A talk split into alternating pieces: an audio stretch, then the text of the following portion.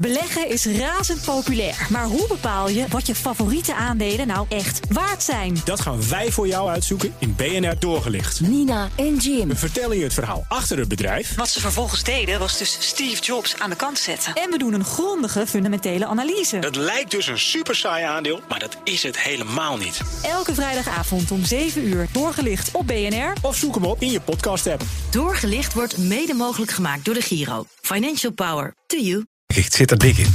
Factgoeroes. Nou, Frank Leeman. Goedemorgen, Frank. Ja, goedemorgen. Uh, we gaan over eten praten. Ook over eten, ja. Wat dacht ik? Eten met de seizoenen? Eten met de seizoenen, ja. Want ja. anderhalve week geleden was in het nieuws...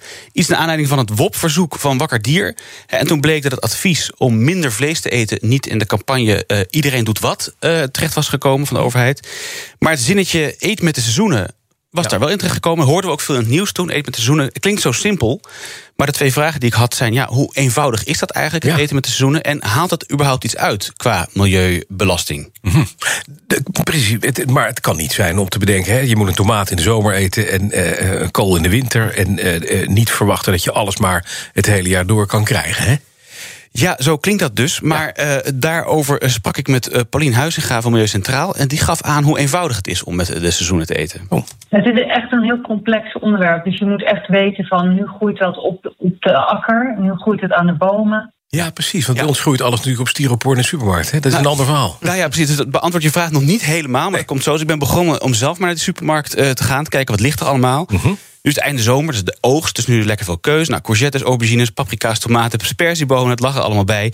En bij al die producten had ik heel duidelijk wat het land van herkomst ja, uh, is. Ja. Dus ik kan bijvoorbeeld kiezen een tomaat of paprika. Zou ik kunnen kiezen, neem ik hem uit Spanje of uit Nederland. En uh, bijvoorbeeld Albert Heijn heeft daar zelfs een NL-logootje voor. Ja, dat is heel makkelijk. Je moet gewoon naar het logootje kijken, naar het etiket... en dan weet je of het uit Nederland komt. En als je die uit Nederland kiest, klaar is Kees. Nee, Nee, precies. En hierover nee. had ik contact met de belangbehartiger van de groente- en fruitsector, het Groentenfruithuis. En ik sprak met Wilma van den Oever. Nee, in Nederland komt iedere paprika uit de kas. En iedere komkommer en iedere tomaat. En er zijn er natuurlijk wel die buiten geteeld worden, maar dat is niet wat je in de, in de winkel aantreft. Ik ben dus de enige gek die komkommers in zijn tuin plant. Ja, ik heb ze toevallig ook in de tuin staan. Maar voor de rest komen ze dus blijkbaar uit de kas. Alles uit de kas. Ik heb ja. een beetje nep mee eten met de seizoenen dus. Een soort nepseizoenen mee eten, ja, als je dat zou doen. Ja, inderdaad. En uh, dus courgettes, aubergines, een aantal bladgroentes komen ook uit die kas. Kan je ook prima uit je moestuintje halen, maar goed. Uh, en verder is het dus simpel. Ja, een kas kost energie, hè, met zijn lampen ja. en het warmstoken. En uh, nou ja, qua CO2-belasting doet een kas het slechter dan een groente uit uh, Zuid-Europa halen.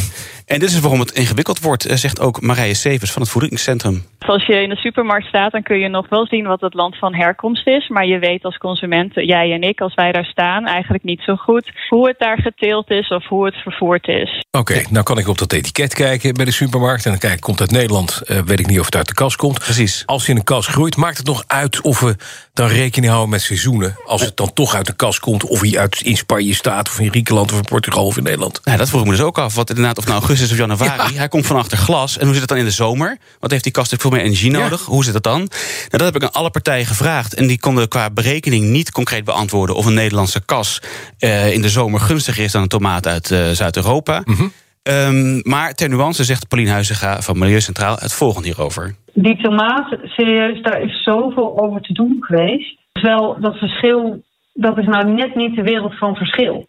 Uh, dat was beter en iets minder goed, zeg maar. Ja, en ze, okay. dus, ze, benadrukken dus allemaal de producten die van oorsprong in de open lucht op akkers in Nederland groeien, echt een milieuwinst opleveren. Mm -hmm. Maar ja, wat zijn die producten dan? En dat zegt uh, Marije Severs van het Voedingscentrum. Uh, appels en peren, die, die zijn het hele jaar door een goede keuze. Die kun je ook uit Nederland uh, krijgen. En volle grondsgroenten uit Nederland zijn bijvoorbeeld kolen, bieten, wortels, aardappelen, uien. Die hebben allemaal een lage milieubelasting. Ja, dus het is niet echt super gevarieerd. Zeker in de winter valt er ook nog wat van af. Nou ja, goed, daarnaast benadrukken ze nog groentes die worden ingevlogen, zijn CO2 catastrofaal. Al is het ook weer moeilijk om te weten als je een ver een land van een ander continent ziet, is hij dan met de boot gekomen of met het vliegtuig? Dat ja. maakt ook weer ja. uit. Ja.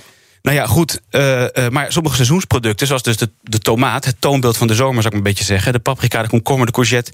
Ja, hebben in de zomer of in de winter evenveel minpunten, om het zo maar te zeggen. En er is nog iets wat echt uitmaakt. Uh, nogmaals, Paulien Huizinga van Milieu Centraal. Maar echt het grote verschil doe je gewoon met, met minder, minder vlees eten.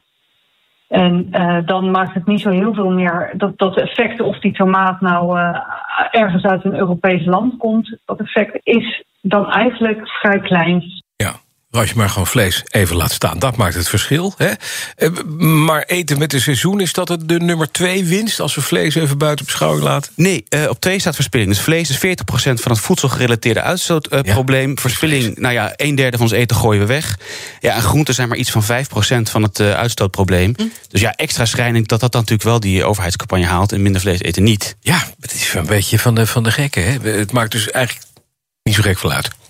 Nee, en dat zegt ook, eh, qua conclusie zegt dat ook eh Paulien van Milieu Centraal. Die vat het heel goed samen. Hoe makkelijk is dat? Nou, dat is dus best wel moeilijk. Hoeveel zin heeft het? Niet vreselijk veel. Minder vlees eten heeft veel meer zin. Kijk eens aan.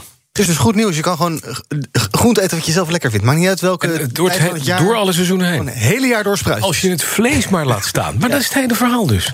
Je moet echt naar het Rijksmuseum om daar te kijken op oude schilderijen. Ja. Wat je wel kunt eten. Dat waren de indig- indigenous vegetables.